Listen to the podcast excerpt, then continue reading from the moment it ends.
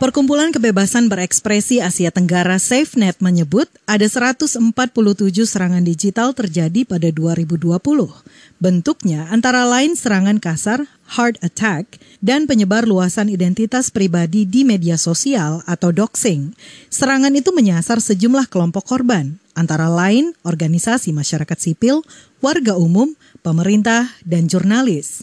Aktivis SafeNet, Ellen Kusuma menjelaskan serangan biasanya dilakukan dengan peralatan dan teknik tertentu untuk menyerang target atau bahkan mengambil alih aset korban yang kami temukan itu latar latar belakang korbannya sebenarnya beragam gitu ya lain-lain. Ada organisasi masyarakat sipil mahasiswa aktivis jurnalis warga umum pemerintah. Pemerintah juga uh, mengalami serangan atau insiden serangan digital gitu. Tetapi kalau kita kaitkan dengan cyber torture ini mungkin yang bisa dilihat adalah uh, bagaimana organisasi masyarakat sipil mahasiswa aktivis dan jurnalis itu menjadi korban atas kritikan-kritikan mereka gitu ya atas kebebasan berekspresi yang mereka praktekkan gitu. Dan kemudian justru mendapatkan balasan berupa serangan digital. Salah satu kasus yang sempat menyeruak dan ramai diperbincangkan ialah yang menimpa jurnalis top skor Zulfikar pada 2017.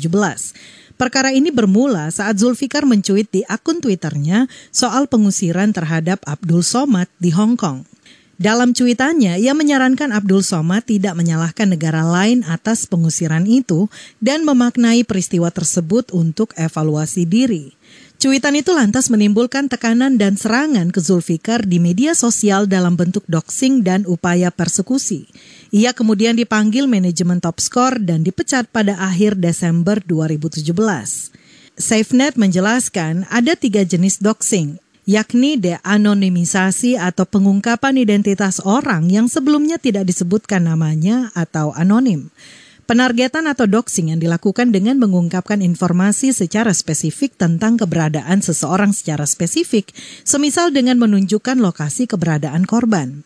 Ketiga, delegitimasi, yaitu doxing dengan cara membagikan informasi pribadi dengan tujuan merusak reputasi atau karakter korban, semisal dengan membuka rahasia pribadi. Ancaman pembukaan data pribadi pernah dialami seorang karyawan swasta asal Jakarta, Irene Meriska. Itu terjadi sewaktu ia berurusan dengan pinjaman daring, pinjol. Ngomel-ngomel, mengancam akan menyebarkan uh, data kita, identitas kita, karena kan mereka kan pegang foto KTP, megang apa semua kontak kita itu kan semua kan mereka kop, apa copy paste ke database mereka. Jadi kalau misalnya kita pun tidak me, apa menjawab panggilan mereka, mereka akan menang menagihnya ya ke orang-orang yang ada di kontak kita. Irene berharap lembaga-lembaga keuangan lebih ketat mengawasi keberadaan pinjaman daring itu. Apalagi menurutnya keberadaan pinjol ilegal telah menimbulkan keresahan. Selain itu perlindungan data pribadi pun penting diperhatikan sehingga keamanan data dapat terjamin.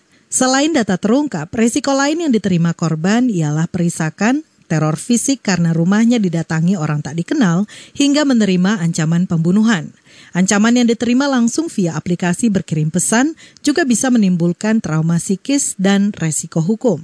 Sebuah studi tentang doxing yang dipublikasikan Universitas Concordia, Kanada pada 2017 menyatakan, doxing bisa menjadi pintu masuk kejahatan dunia maya lebih lanjut, semisal pencurian identitas dan penipuan. Kata kerja doxing populer sejak sekitar satu dekade lalu. SafeNet membagikan sejumlah cara untuk meminimalkan resiko. Di antaranya dengan memeriksa dan mengelola data pribadi yang tersebar di internet, seperti menghapus informasi apa pun di online yang membuat tidak nyaman dan membahayakan, semisal alamat rumah dan unggahan KTP.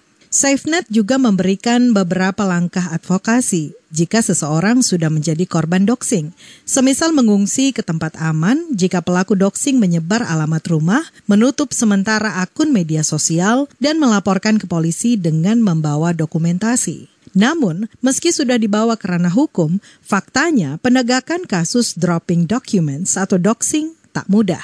Tidak jarang, korban harus pulang dengan tangan kosong karena penegak hukum kesulitan mencari pasal yang dapat menjerat pelaku. Menurut SafeNet, ini menjadi tantangan bagi ahli hukum dan pemerhati kejahatan siber untuk mendesak agar doxing dilarang dalam sistem hukum Indonesia.